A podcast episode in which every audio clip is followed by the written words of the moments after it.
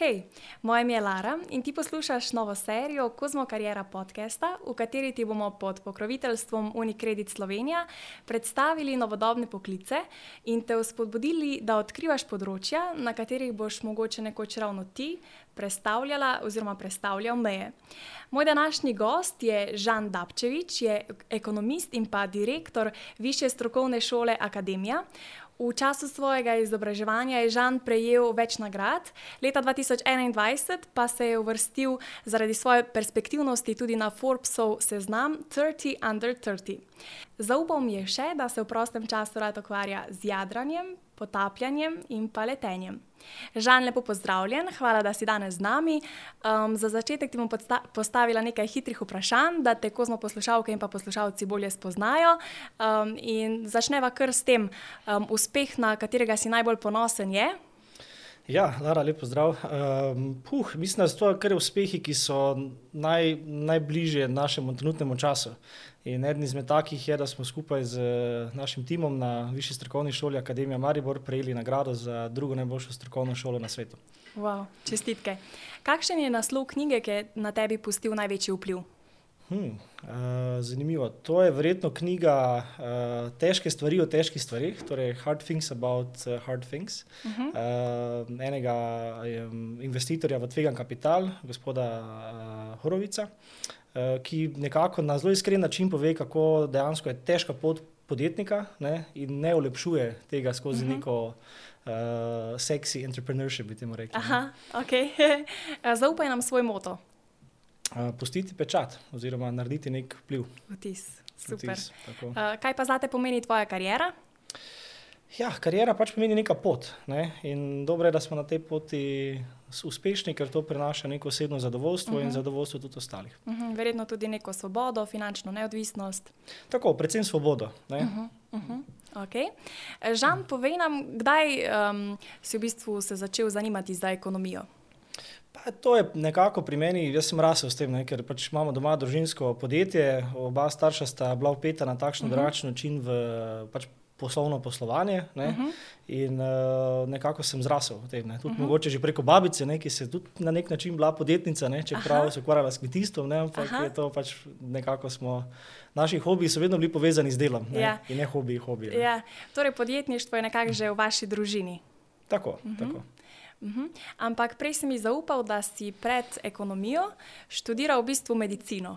Kako to, da si prvo pristal na medicinski fakulteti in da si se potem odločil za drug študij? Ja, vse to je ne, uh, mogoče lahko bilo neko dokazovanje, ne, da pač sem sposoben tudi priti na medicino. Ja, ja. uh, ampak nisem imel te sreče, da bi dejansko imel koga v družini ali pa tudi širše, ne, ki bi mi dejansko znal ta poklic zdravnika predstaviti kot takega. Ne, uh -huh. in, uh, nekako po letu dni sem ugotovil, da vseeno mogoče tako neko institucionalizirano okolje ni najboljše za mene no? ja. in moj karakter. Ja, Tudi sama sem želela do uh, v bistvu tretjega, leta, tretjega letnika gimnazije, sem vedno mislila, da bom študirala medicino, glih iz tega vedika, mogoče da dokažem, da pa lahko. Ampak včasih so take um, misli, mogoče malo neprimerne za izbiro študija, ko so vse druge stvari bolj pomembne. Uh, Žan, povej mi, uh, če si, si že zelo mlad uh, želel opravljati to delo. Torej, ko si recimo šel v srednjo šolo, če si že vedel, da boš nekoč se ukvarjal s podjetništvom, verjetno ne, če si prvo želel medicino. Ja, mislim, nekako vedno, vedno mi je bilo interes početi različne stvari v življenju. Uh mhm. -huh. In mislim, da tukaj mogoče je ta študij ekonomije ne, in pa potem tudi nekih takih podjetniških, uh, kako bi temu rekli, projektov, ne, uh -huh. uh, se potem lotevaš na različne načine. Ne. Zdaj, da sem trenutno na delujem na področju izobraževanja, pa pač naneslo na nekih, zaradi nekega spleta okoliščin, ne, ja. da sem v to padel, ne, ampak uh, pač provam iz tega potegniti tisto neko najboljšo stvar in potegniti in narediti nek spet družbeni pliv naprej. Ja, ja za neko dobro zgodbo, ki jo delamo na akademiji. Uh -huh, uh -huh. In tudi zaradi tega si v bistvu dobil to nagrado, oziroma si se uvrstil na seznam um, Forbes 30 under 30. Pa me zanima, uh, za v bistvu, kakšen izbor sploh gre in zakaj si se uvrstil na ta seznam, po njihovem mnenju.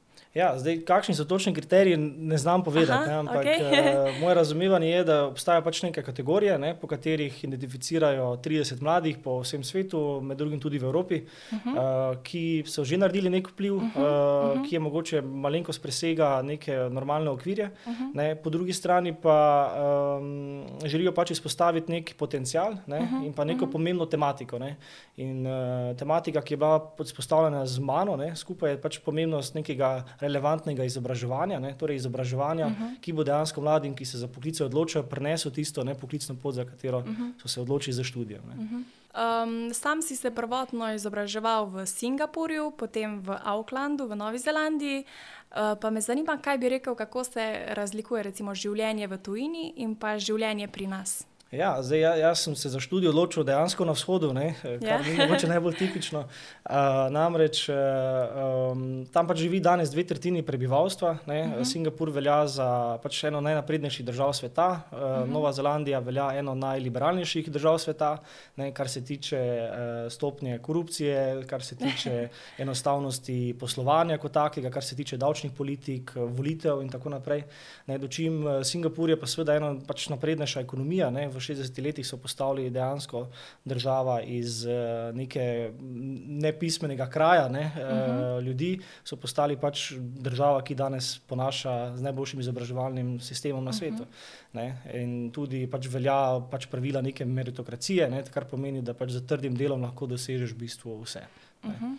Uh -huh. um, si sam pristaš tega, da s trdim delom lahko dosežeš uh, vse, ali mogoče. Ja, zdaj pač mene, mene so do zdaj izkušnje naučile, ne, da je pomembno ne, delati tudi pametno, ne, uh mhm. -huh. ampak uh, problem je, če tudi pametni ljudje delajo pametno in hkrati tudi trdo. Yeah. Ja. In seveda, potem, če z njimi konkuriraš, ne, yeah. Ja. se moraš seveda tudi ti potruditi. Uh -huh. Je pa res, da mhm. si moraš vedno izbrati neko področje, ne, ki ti je tako všeč, da ti to ne predstavlja delo, ne, ampak dejansko neke vrste hobi. Ne. Uh -huh. Uh -huh. Ampak zdaj se mi zdi, da vedno bolj drvimo po eni strani uh, v ta čas, da vedno bolj preživimo svoj čas v službah, um, in po eni strani potem nismo dovolj učinkoviti v službah. In zdi se mi, da bi mogoče morali malce bolj ceniti ta prosti čas, ker nekako smo potem lahko tudi bolj kreativni, učinkoviti in vse to v službah. Ja, absolutno, mislim, sprosti čas je absolutno pomemben, je pa tudi zelo pomembno, kakšno službo danes upravljamo. Uh mhm. -huh. torej, pač dejansko službo preživimo vsaj 8 ur dnevno. Ja. In je zelo pomembno, da delujemo v timih, s katerimi se dobro razumemo, ne, v katerih smo mhm. učinkoviti. Ne, vsak ima neke vrline, na katerih lahko uh, gradi ne, svojo kariero in pa tudi svojo uspešnost. Uh, in če se na to človek uh, oziroma oseba fokusira, potem tukaj nekako ne deluje to kot nek pritisk, ne, da pa zdaj ja, moraš v ja, službo. Ne, uh -huh. ne, dejansko... Če je to tvoj način življenja, pol je pristop drugačen. Tako, točno to. Uh -huh. Uh -huh. Kako pa se ti je zdel, recimo, tempo življenja v Singapurju? Se ti je zdel hitrejši kot pri nas, da nekako še hitreje vse skupaj teče? Ja, zdaj pač kar, kar če, če se vrnem nazaj, ne, pa primerjam bivanje tukaj v Sloveniji ali pa bivanje uh -huh. v mhm. tujini, ne, nekako ne, je občutek, da ljudje v Aziji blazno potujejo. Ne, uh mhm. -huh. In uh, je Azija med seboj, čeprav niso združeni v neko unijo, ne, tako uh -huh. kot mhm. imamo mi tukaj uh -huh. v Evropski uniji, ne, uh -huh. je ta kulturna zbližanost uh, dežel, ne, kljub njihovi raznolikosti, ne, izjemna. Ne, in torej dejansko ne, se ta um, cultural proximity oziroma ta kulturna zbližanost je dosti večja kot pa tukaj pri nas. Ne. Uh -huh nas se že včasih sliši ne, zelo tako, uh, ne, uh, obsežno, ne, če nekdo gre v Zagreb ali pa gre v Dunaj ne, ali pa gre v ja, Benetke. Ne. Ja, ja, ja. To pa ne, ljudje v tistih krajih delajo pač skoraj na dnevni oziroma ja, tedenski osnovi. Uh -huh, uh -huh, uh -huh. Torej je hitrejši tam tempo življenja. Ja, je hitrejši tempo življenja, uh mhm. -huh. pač tudi učinkovitejši. Ne? Uh, ne? Tako da za nekoga, ki je mlad ne? in si želi graditi karijere, ne? torej pred nastankom neke družine, ne? je to, mislim, mogoče tudi prava lokacija za uh mhm. -huh. bivanje. Uh -huh. uh, ma pa Slovenija tudi določene prednosti, ne? ko ja. pa prideš v to drugo fazo uh mhm. -huh. življenja. Ne? Ti, ti ja. mogoče, torej, kaj pa si spoznal o Sloveniji takrat, ko si bil ti v tujini? Ja, začne se zavedati predvsem štiriletnih časov. Uh, Singapur ima en letni čas, ne konkretno. Ne? Ja. to je ključna, ključna taka opaska, ki jo takoj vidiš. Uh, drugo pa predvsem tudi to, ne, da uh, vseeno Slovenija ponuja tudi druge kvalitete življenja. Ne, uh, tudi dober izobraževalni sistem ne, na mhm. področju osnovnega in srednjega šolstva, ne, ki daje ljudem neko širino, ne, splošno neko pismenost, ki daje ne, neko sposobnost lastnega razmišljanja in pa in pa potem tudi uh -huh. reševanja problemov. Ne. Potem pa, potem pa tudi sama kakovost sistema kot takega, uh -huh. razlike med plačami ne, najbogatejših in najrevnejših, socialna država. Ne, in kot ti vidiš, še enkrat v ne, izjemne socialne razlike, ki jih kakorkoli tudi Singapur ima, ne, je, je potem vseeno tukaj, ne, ocenil, lahko ocenim, da je kvaliteta bivanja dosti boljša ne, uh -huh. kot, kot nekje druge. Ne. Uh -huh. Ja, zanimivo, res. Um, zdaj pa ti v bistvu magistrski študij dokončuješ v, na Oxfordu. Uh, pa me zanima, kaj so po tvojem mnenju prednosti študija um, v tujini? Ja, zdaj, predvsem, predvsem to, ne, kar smo že na začetku se dotaknili, ne, te kulturna, mm. kulturna raznolikost, da pač to dejansko spoznamo. Ne. Zdaj, mednarodne univerze, predvsem pa te prestižne univerze, kot jih nekateri imenujejo, ne, uh, pač ponujajo ravno to, da ne prihajajo ljudje iz vsega sveta, ne, iz, tudi iz različnih uh, uh, okolij. Ne, in pa izkušnjami na nek študij, ne, ker se ti potem z njimi srečaš in pač delaš z njimi določene projekte. Ja, ja. Ne, uh, zdaj pač ta moj magistrski študij sem jaz nekako zavlačeval in nisem na začetku najbolj videl smisla, zakaj bi takoj šel na magisterij, uh -huh, ne, po uh -huh. končanem dodiplomskem študiju, ampak sem se za to odločil po nekaj letih delovnih uh -huh, izkušenj. Uh -huh.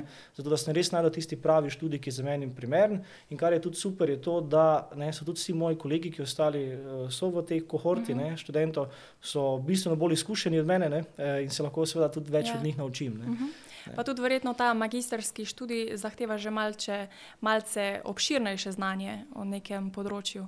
Ja, pač debate, ki se razvijajo, ne, so dosti mhm, bolj ja. Eh, zanimive ne, in tudi dosti bolj konkretne, tudi nekih bolj konkretnih idej, in pa verjetno tudi ne, rešitev se uh -huh. na mhm. koncu skozi študij lahko najde. Uh -huh, uh -huh. uh, kot direktor višje strokovne šole Akademije lahko mogoče malce primerjaš različne načine študija.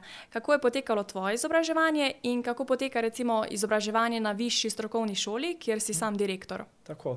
Ja, zdaj, mi smo, mi smo, jaz sem pač imel to srečo, da sem obiskoval ne, študij v tujini na zelo akademskih inštitucijah. Ne, uh -huh. um, ki se sicer uvrščajo po mednarodnih lestvicah izjemno visoko. Uh -huh. In kar sem ugotovil, je dejansko, kljub temu, da gre za akademske inštitucije, ne, se ta boljše vendarle poslužuje mota learning by doing, ne, uh -huh. torej mhm. učenja z delom, ne, kar uh -huh. je pa mhm. ravno način in pa moto, kar počnemo mi na višji strokovni uh -huh. šoli Akademija. Ne, sicer za više šolske strokovne študije, to so študije, ki trajajo v poprečju dve leti ne, uh -huh. in nekako so ekvivalent dvem letom eh, do diplomskega študija in ravno omogočajo študentom, da skozi neka aplikativna znanja, praktična uh -huh. znanja, ki jih ponavadi podajo predavatelji uh -huh. stroke, hitro vstopijo na trg dela. Ne. Uh -huh. Kaj pa so recimo prednosti obeh načinov? nekatere si že omenil, recimo hiter vstop na trg dela. Ja, in pa prednost. predvsem ne, ne, torej ne samo kaj, ne, ampak uh mhm. -huh. predvsem tudi kako ne, in pa zakaj. Ne, uh mhm. -huh. ne, to so neka ta ključna, ključna vprašanja, na katere mi iščemo odgovore skozi tak študij. Ne, uh -huh. ne, mhm. torej, da dejansko gre za neko aplikacijo nekega znanja in potem tudi neko kritično vrednotenje, zakaj pač nekaj počnemo tak, na tak način, kot ga počnemo, uh -huh. oziroma kot smo uh -huh. se naučili. Uh -huh. Ali je to vredno ali ni vredno, ali bi kaj izboljšali. Ne, uh -huh. Tako naprej. Uh -huh. Eh, kaj pa je tisto, kar je zares pomembno pri tvojem poklicu, uh, pa se tega nisi naučil tekom izobraževanja, ampak skozi neke izkušnje? Ja, mislim, izkušnje prenesejo predvsem delo z ljudmi. Uh mhm. -huh. Zdaj, izobraževanje kot tako, ne, če, je, uh, če je nekako oblikovano v obliki uh, nekega broadcasta, ne, uh, kjer ti zajemaš oziroma konzumiraš neko znanje in ne delaš dosti projektno, ne, ali pa se ne učiš dosti projektno uh -huh. z timi, ne, potem uh, se moraš tega naučiti, ko prideš v službo. Ne. In tukaj se mi zdi, da uh, moramo izobraževalne inštitucije narediti več, da bomo spodbujali več tega timskega uh mhm. -huh. dela znotraj študija, ne, zato uh mhm. -huh. da bomo razvili ravno karakterje ob študentih, ne samo uh mhm. -huh. podali znanja. Ne, yeah. Ja. uh, in to bo potem tudi pomagalo, ne, da, uh -huh. da, da teh uh -huh. lastnosti ne rabimo uh -huh. razvijati, ko pridemo v službo. Uh -huh. Zelo pomembno je tudi, da se mlade usmerja v poklice, uh, ki so iskani in pri katerih lahko unovčijo svoj potencial.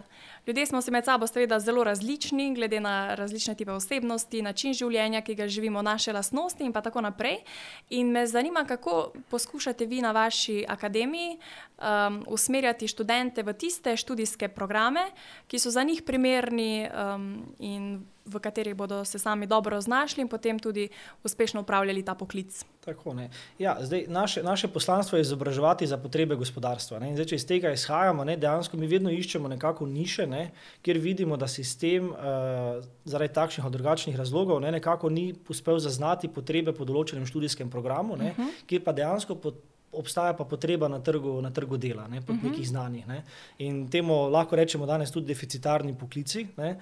In v teh mi pač izobražujemo za deficitarne poklice. Ne. To pomeni, da dejansko probamo najti niše, ne, kjer lahko študenti z neko zagotovostjo potem gredo v takšne uh -huh, službe. Uh -huh, uh -huh. Ampak kar je pa danes seveda tudi pomembno, je to, da študente naučimo, ne, se, kako se nekaj naučiti, ne, aplicirati, pa tudi odučiti in ponovno nekaj novega naučiti. Ne. Ker namreč danes se danes tako hitro spremenjajo, ja.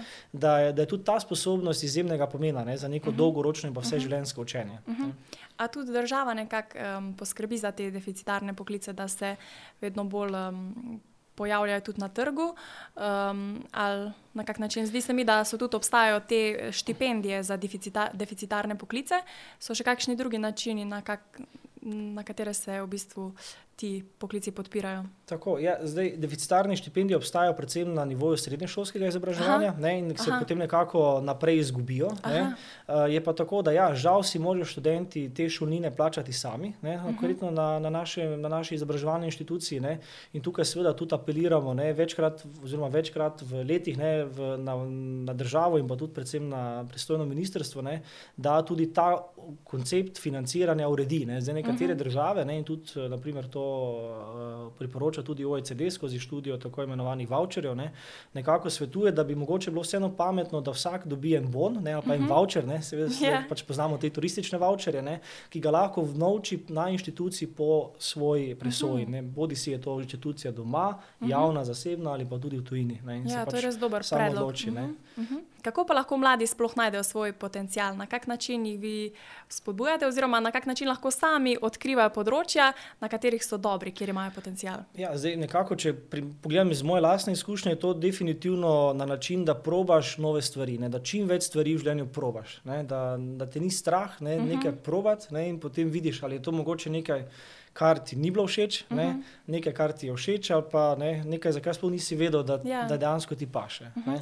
Največ se verjetno zgodi v tem, da poskusimo, tudi če mogoče. Um, Se včasih nam zgodi kakšna napaka, ali pa v bistvu ga kje polomimo, se v bistvu iz tega lahko zelo veliko naučimo, in uh, to so neke zelo dragocene um, izkušnje. In pa, uh, Um, Točno to. Ne. Vsaka napaka je pač učenje in ja, drugega. Ja. Uh -huh. uh -huh. Sedaj bomo naredili krajšo pauzo, ki jo bom sama izkoristila za predstavitev teme, ki je v tesni povezavi s kariero. Uh, že prej smo omenila, da karijera ne predstavlja samo načina, kako uresničiti svoj potencial, ampak omogoča tudi finančno stabilnost. Do urejenih financ pa vam lahko pomagajo tudi novi paketi mednarodne skupine Unicredit, ki je pokrovitelj um, podcast podka serije Kozmo Karijera. Mednarodna skupina Unicredit Slovenija. Slovenija s sedežem v Milanu letos obeležuje 30. obletnico poslovanja na slovenskih tleh. In ker so radi v koraku s časom, hkrati pa želijo biti svojim strankam blizu, eh, predstavljajo serijo novih paketov po zadnjih trendih. Paket eh, lahko zamenjate kar po spletu, brez obiska poslovalnice, še hitreje kot bo konec tega najnega podcasta. Na voljo so štirje paketi, ki prihajajo skupaj z debetno kartico Mastercard, ki jo sedaj lahko uporabljaš tudi za spletne nakupe. Vsi vključujejo tudi mobilnost mobilno in pa spletno banko, se razume, pripada pa ti tudi pol leta brezplačnega vodenja računa. Za ceno kavice na mesec si, si lahko misliš tudi paket digitalni, ki je ta hip eden najugodnejših na trgu, z uporabo pa lahko prejmeš tudi do 30 evrov nagrade. Sproščeni, aktivni in pa brezmejni so prilagojeni tvojemu uh, življenjskemu slogu, samo oziroma sama pa si izbereš tistega, ki tebi najbolj ustreza. Z uporabo lahko prejmeš tudi do 40 evrov nagrade. Pozavili pa niso niti na mlade, ki lahko izberejo paket sproščenih za mlade in je brezplačen do dopolnjenega 27. leta, in pa ker denarja vedno primankuje, z uporabo lahko prejmete tudi do 30 evrov nagrade. Sedaj nadaljujeva s pogovorom z mojim gostom, Žanom Dabčevičem, ekonomistom in pa direktorjem Više strokovne šole Akademija. Um, Žan, povej mi, kako sploh poteka tvoj delovnik? Uh, uh, ja, zelo, zelo odvisno. Zdaj, te delovnike nekako pravim načrtovati, je pa tako, da se mi ti načrti tudi večkrat eh, dnevno lahko malenkost porušijo. No? Uh -huh, uh, ampak okay. ja, sem sicer uh, oseba, ki rad staja zgodaj. Uh mhm. -huh. da, Kdaj vstaješ? Uh, tam enih šestih, najkasneje. Okay. 15, uh, ponavadi v krvo postelji obdelam že prvo rundo e-poštnih sporočil, Aha. preverjam novice, da vidim, kaj se dogaja. Uh -huh. uh, in potem nekako do 8, pa 15, pol 9 ure pridem v službo. Uh -huh. um, na to pa si nekako razvitam čas v dopolnanskem času za uh, neko lastno samostojno delo, uh -huh. uh, za kakšne klice, ki so pomembni. V, nekako po poranskem času, pa so namenjeni predvsem razgovorem s sodelavci, timi, pogledamo, kaj se dogaja, uh mhm. -huh. sestanki, uh, potem tudi razgovori s študenti, predavatelji, uh -huh. uh, ki potem se to lahko zaleče tudi v večerne ure, seveda. Ne? Uh, in pa potem nekako v poznih večernih urah, tam nekje po deveti uri, še neko lastno delo spet. Do, Uh mhm. -huh. odvisno, odvisno od kompleksnosti izziva, s katerim ja, se tisti ja. trenutek srečujemo. Uh mhm. -huh. Kaj pa te motivira, da z zagonom vedno pričneš svoj dan? Ja, mislim, da zelo, zelo bi se zlagal, če bi če, če res vsako jutro tako, da začneš z velikim zagonom ne, ja. dan. Ne. Včasih imaš tudi uh, kakšno teže jutro. Uh mhm. -huh. Ja, to je čisto posebno razumljivo. Tako, ne, ampak uh, obstaja vseeno neka tista notranja ustrajnost, ne, ki jo mogoče razviješ lahko ravno preko hobijev, uh -huh. uh, ki te vseeno ženejo potem, da, da ustrajaš, pri, uh, ustrajaš pri svojem nekem uh mhm. -huh. poslanstvu. Uh mhm. -huh. Kaj pa je tvoj največji izziv pri delu?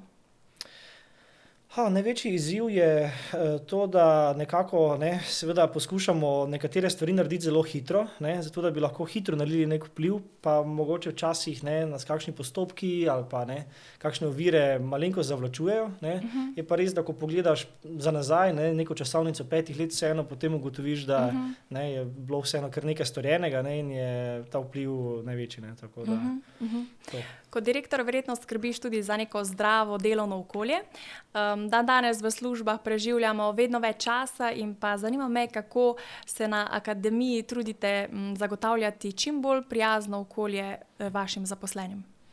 Ja, zdaj ta pandemija koronavirusne bolezni COVID-19 je definitivno ne, mm. nekako resetirala ali pa dala na nek reset gumb način dela. Ne, mm -hmm. ne samo kdaj delamo, ampak tudi kje delamo. Ja. In se mi zdi, da smo v takem enem dvoletnem eksperimentu, ne, kjer zdaj poskušamo nekako na novo oblikovati ja.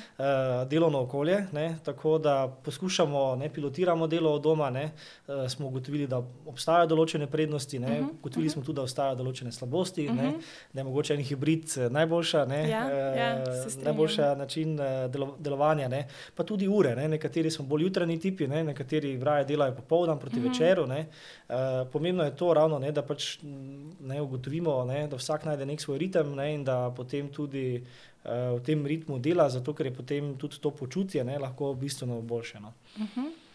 Um, a boste zdaj kakšne te prilagoditve zaradi um, online študija obdržali še vedno naprej, potem, ko mogoče se situacija izboljša? Ja, zelo dobro vprašanje. Mislim, tudi, tudi dejansko tukaj se dogaja v delovnih okoljih, ne, se tudi dogaja pri študiju. Ne. Uh -huh. uh, zdaj, predvsem, če bo delovno okolje res ostalo v hibridu, ne, uh, nekako sem mnenja, da če želimo študente pripraviti na trg dela, ki dejansko tako funkcionira, tudi moramo študijski proces na ta način ne, uh, organizirati, da uh -huh. bodo študenti znali delovati potem v nekih uh mhm. -huh. hibridih. Ne. Yeah. Ja. Uh, tako da tudi tukaj nekako zdaj še raziskujemo ne, in uh mhm. -huh. oblikujemo, kaj bi bil tisti hibrid, ki bi bil najboljši. Ne, uh -huh. torej, koliko kontakta je potrebnega ne, za to, da študentje vseeno razvijajo dovolj nekih generičnih uh mhm. -huh. kompetenc, ne, ki jih je mogoče skozi online študij teže razviti, uh mhm. -huh. nekih mhm. splošnih znanj, ne, eh, dočim eh, določena taka strokovno specifična znanja, pa se uh -huh. vendar lahko danes tudi skozi neki hibridni način, že, uh -huh. oziroma online način, že osvojijo. Ja. Kot uh, direktor akademije, uh, akademije si verjetno tudi ti eden izmed tistih, ki zaposlujete vaš kader. Um, in kaj so tista znanja, ki jih cenite pri um, vaših zaposlenih, oziroma tistih, ki pridejo na razgovor uh, in da potem uspešno upravijo razgovor in ga potem zaposlite? Kaj so tista znanja ali pa mogoče lastnosti osebe? Ja, zdaj mi, mi poslujemo v obrti, ne, če lahko temu tako rečem, je, za katero ne obstaja študijski program, ne, da bi se pač ti lahko uh, izučil ne, ja. za delovanje. Uh, In pa tudi vodenje uh, znotraj, znotraj, naše, znotraj naše akademije. Uh, tako da dejansko moramo eh, bistveno več nekako vložiti v kader z nekim uh -huh. specifičnim znanjem, ki uh -huh. nas obkroža. Ne? In uh, iščemo predvsem lastnosti, ne? ta sposobnost učenja, ne? oziroma sposobnost hitrega učenja, uh -huh. uh, sposobnost kritičnega razmišljanja, uh -huh. uh, sposobnost reševanja izzivov, ne? s katerimi se soočamo tako mi, kot naši študenti, kot naši deležniki. Uh -huh. um, pa potem neka pozitivna naravnanost k temu, uh -huh. ker uh -huh. to potem nekako nam pomaga pri tem, da lahko ne, vložimo neke napore v, v zaposlenega ne, in ga s tem seveda tudi upremimo z pravim znanjem, da je uh mhm. -huh. potem pri svojem poklicu mhm. uspešen. Uh -huh. ja. Na klasičnih študijih radi rečejo, da so ocene zelo, zelo pomembne pri recimo, iskanju zaposlitve in recimo, pri razgovorih. Kako pa so ocene recimo, zares pomembne, ko je neka oseba pri vas na razgovoru? Ja, zdaj, haha, zelo dobro vprašanje. Ocene so in niso pomembne, tako, tako bom povedal. Ne. Pomembne z vidika, zakaj vidim, da so pomembne, so zato, ker izkazujejo neko natančnost in pa neko perfekcion, nek perfekcionizem. Ne. Uh -huh. In to je za določeno delo zelo pomembno. Ne. Uh -huh pri določenem delu pa je vendarle bolj pomembno, da so stvari opravljene, ne, kot pa da se zavlačuje v nek perfekcionizem. Ne. Uh -huh, uh -huh. Uh, tako da je tukaj zelo odvisno od delovnega mesta, ne, uh -huh. uh, uh, kaj dejansko pač to delovno mesto zahteva, ne, uh -huh, da se potem uh -huh. gleda, ali so dejansko ocene in pa odličnost teh ocen zares pomembna, ne, ali pa je vendarle neka dobra ocena, ki ne rabi biti odlična, čisto v redu. Uh -huh, uh -huh. Sam si torej po izobrazbi ekonomist, eh, pa me zanima, kaj je najbolj pomembna značilnost, ki jo mora imeti ekonomist. Ja, ekonomist mislim, da mora imeti zelo dobro znanje matematike. To je osnova, da pač eh, ne, danes eh, v svetu, ki je zelo digitaliziran, ne, se ekonomija premika iz neke teorije v dejansko neko aplikativnost uh mhm. -huh. in pa empiričnost. Ne. Lep primer je uh, spopadanje z tole COVID krizo, ne, da, da smo dejansko lahko skoraj na živih podatkih, so lahko odločevalci uh mhm. -huh. spremljali uh -huh. ukrepe, tudi spremljali ukrepe, uh mhm. -huh. ne, kaj se na ekonomskem polju dogaja. Uh, tako da se mi zdi, da je to eno ključno, ključno znanje, ki ga danes ekonomisti vendarle uh -huh. potrebujejo, ne, uh -huh. pa ga morda v znotraj akademskih inštitucij še vedno. Primankuje. Ja. Kakšen na svetu bi dal tistim, ki si želijo opravljati tak poklic? Kot ga ti, ali pa recimo tistim, ki želijo biti dobri ekonomisti. Ja, zdaj, trenutno ne upravljam dela ekonomista, ja, ne, kot ja. takega, ne, mhm. ampak uh, zdaj, če se dotaknemo tega, kar počnem sam, ne, se mi zdi tukaj pač neko pomembno zavedanje ali pa nekako karakter, ne, da pač želiš in pa ti je lepo pomagati ljudem. Ne, zato, uh mhm. -huh. ker pač študij je neka pot, ne, na kateri študenti se srečajo, bodi si mladi, bodi si odrasli, ne, uh, do nekega novega cilja. Ne. Bodi si to karierni cilj, je to cilj za večjo plačo ali je to tudi nek čisto osebnostni cilj nekega osebnostnega dokazovanja oziroma uh, uh, neke osebnostne potrditve. Ne. Uh -huh. uh, tako, da, tako da želja pač potem, da želi nekdo pomagati drugim, je tudi definitivno ne, ena taka lasnost, ki je, ki je zelo, zelo pomembna. No. Uh -huh. Kdo pa je bil tekom tvoje kariere tvoj največji podpornik? Ja, jaz mislim, da vem, po eni strani imam občutek, da sem najsrečnejši človek na svetu. Ne, sem, se mi zdi, da sem zmeraj bil obkrožen z ljudmi, ki so mi dali podporo vsega, kar sem se loteval. Ne, bodi si od družine, prijateljev ne, uh, in tako naprej. No, tako da zdaj tukaj bi pač rekel, da tukaj je definitivno en cel skupek ljudi, ne, ki. Uh mhm. -huh te nekako po vsakem koščku podpira uh -huh. ne, in to pride nek, ne, v nek lep mozaik, ne, ki ti potem daje neka, uh -huh. uh, nek veter v jadra. Ne. Si kdaj tekom svoje kariere naredil kakšno napako, pa si potem hkrati spoznal, uh, da si se iz tega tudi zelo veliko naučil? Ja, pa jaz mislim, da sem glede na moja leta, glede na to, pač, kar nekateri ocenjujejo kot uh, uspeh, ne naredil največ napak. Ne. To je pač moja, moja stava, ki, ki upam položiti na mizo. -huh. uh, zato, ker dejansko vsaki napak si nekaj naučiš. Ne, in uh, uh, samo to te lahko potegne potem naprej. Uh -huh, uh -huh. Torej, tisti, ki je uspešen, je definitivno naredil več napak kot tisti, ki ni uspešen. Ne. Ja, ne. se strinjam. V prostem času pa se ukvarjaš tudi z jadranjem, letenjem, potapljanjem. Kaj ti predstavljajo ti hobiji? Ja, zdaj, ti, ti hobiji nekako mi predstavljajo nek odklop. Ne? Uh -huh. uh, vsi so relativno zahtevni hobiji, ne? zato ker uh -huh. zahtevajo tudi neko tehnično znanje. Ne? Uh, uh, in pa predvsem nek fokus. Ne? Tako da ta fokus mi potem pomaga, da res odklopim ne? od tistih nekih dnevnih izzivov, s katerimi uh mhm. -huh. se srečujemo, uh -huh. uh, in, in tudi neko uživanje in pa uh -huh. uh, umiritev misli. Uh mhm. -huh. Torej, sam prisegaš na to, da je dovolj časa za prosti čas in pa tudi za delo. Uh, pa me zanima, zdaj v bistvu vedno bolj v spredje prihaja tudi ideja o šesturnem delovniku. Kaj sam meniš o tej ideji?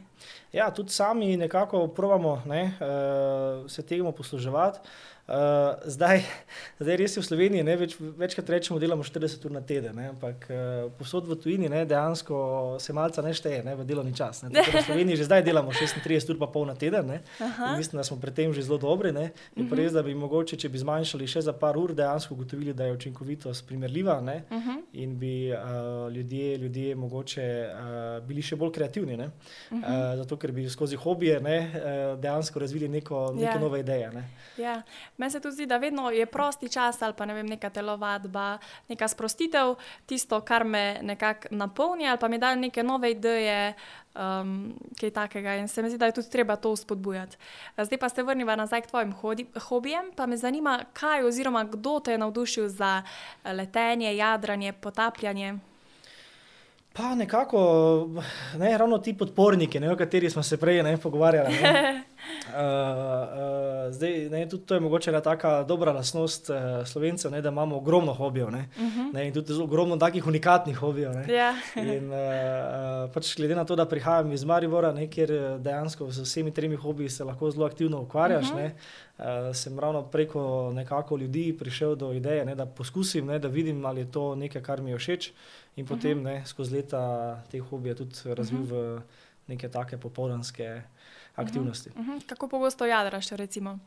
Ja, zdaj, delo vseeno mi nekako onemogoča, ne, oziroma me omejuje pri tem, da bi to ravno počel vsak dan, oziroma uh -huh. vsak vikend. Ne, uh, poskrbim pa, da je tukaj vsaj nekje dvakrat, trikrat letno ne, uh, uh -huh. uh, to na voljo. Ne, ampak tako zelo res, tako učeno jadranje ne, in pa tudi tako aktivno jadranje, ne tako čist dopust. dopust ja, ja. uh, kaj pa uh, potapljanje? Uh -huh. A to gre za to potapljanje na dah?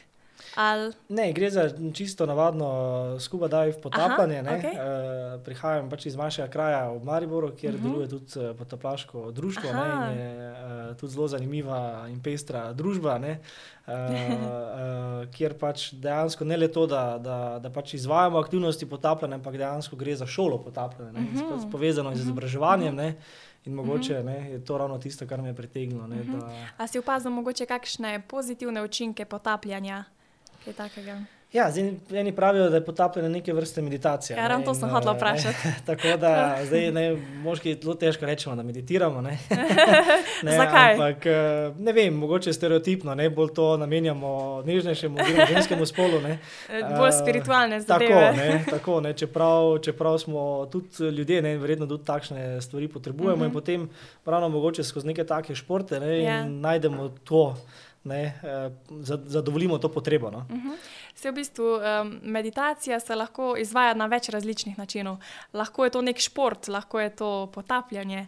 Ja, um, lahko je tudi v službi. Ne. Ja, tudi na tak način. Uh eh, -huh. tudi, uh, tudi v bistvu ne, zelo zanimiva uh, knjiga, mogoče, ki bi jo priporočal. Uh, bralcem oziroma poslušalcem, je ravno Spiritual Capital od Dane Zohar, ki, so, ki pravi, da poleg uh, tele inteligence uma ne, in pa inteligence čustev, uh -huh. imamo tudi inteligenco, spiritualno inteligenco, ne, uh -huh. na kateri moramo delati, zato da smo lahko pač uspešni. Ne, in uh, ona ravno preko naprimer, delavnic uh, meditacije ne, in uh -huh. pa mhm. tudi um, nekako. Um, spiritualnosti poskuša podjetjem pomagati do njihovega uspeha. Zdi se uh mhm. -huh. zelo tako abstraktno, ne? ampak uh, večja podjetja se tega uh mhm. -huh. poslužujejo, uh -huh. danes že. Ne? Ja, a si tudi... mogoče poskušal eh, to metodo že malce uvesti v vaše podjetje? Uh, ne, ne zelo neposredno. Ne? Uh -huh. Je mhm. pa res, da uh, v Sloveniji se s tem ukvarja eno podjetje, Baby Consulting, uh -huh. uh, ki je znano po zgodbi Steklarne Hrastnik, ne? ki so uspeli podjetje, ki je bilo stiker tik pred stečajem obrniti v eno uspešno zgodbo, ne, ravno z, z nekako tem uh, tipom voditeljstva, ne, oziroma podjetja. Ne, tako, oh, da, tako da primere dobre prakse imamo in če deluje, ne, zakaj tudi to ne probati. Super. Ne. Zdaj se v bistvu približujemo koncu oziroma zaključku najnega podcasta. Uh, pa me zanima, če imaš mogoče za poslušalke oziroma poslušalce kakšen nasvet iz vidika karijere. Kaj bi mogoče jim svetoval, ali pa kaj bi um, priporočal, ali pa svetoval mlajšemu žanu takrat? Ja, zdaj, mislim, za nazaj lahko biti pameten, mislim, to je definitivno. Ne? Pa tudi mogoče, če nekomu svetuješ, ne, je zelo, zelo lažje biti pameten, pa uh -huh. nekdo, mhm. ki je v neki dani situaciji, pač mora neko odločitev sprejeti. Uh mhm. -huh. Res pa je, da če bi, ne, če se bi bolj poglobili v določene odločitve, ne, uh -huh. uh, tu predvsem mislim o študiju, ne, uh -huh. uh, uh, in ga gledali zelo dolgoročno, ne, potem, potem, uh, potem mislim, da bi tudi pametnejše odločitve sprejemali. Uh -huh. uh, v Sloveniji je nekako kar klasika, ne, da pravimo nekaj študirati, pa pomenjamo. Ne, ne, uh, zdaj pač ta izobraževalni sistem nam to tudi omogoča, kar mogoče ni slabo. Uh mhm. -huh. Je pa res, da uh, bi mogli mogoče malo bolj se zanimati. Ne, za, kaj dejansko bi radi študirali, ne, se bolj poglobiti v uh -huh. kaj dejansko nek študij pri, prinaša, ne, z, uh -huh. z vidika znanja, pa tudi z vidika načina učenja. Uh -huh. ne, uh, zato, da, zato da vidimo, ali je tak poklic, ki nam ga bo študij omogočil, potem tudi za nas ali ne. Ne. Uh -huh. Tako da, absolutno, čim več, uh, bi rekel, delovnih izkušenj, že kot dijaki, kot mladi študenti, ne, zato da provate čim več različnih stvari ne, uh -huh. uh, in potem vidite, kaj je tisto, kar vam leži. Uh -huh. Ampak prej smo pa tudi rekli, da če se pa na tej poti zgodi kakšna napaka, pa včasih je tudi koristno to. Absolutno, mislim, ne, ne gleda to negativno. Ne. Zdaj, če ja. pač nekaj napačno odločiš. Ne. Glavno je, da če si se napačno odločil, da to prvič ugotoviš, ne, drugo pa da potem tudi ukrepaš. Ne, uh -huh. ne vztrajaš pri tej napaki. Ne. Ja, ja. Super, hvala, Žan, za vse te nasvete. Se mi zdi, da je bil res dober eh, pogovor. In hvala tudi Unikreditu, ki je bil pokrovitelj te um, epizode Kozmo Karjera podcasta. Hvala pa tudi vam, poslušalke in pa poslušalci, ker ste poslušali to epizodo. Um, in pa adijo!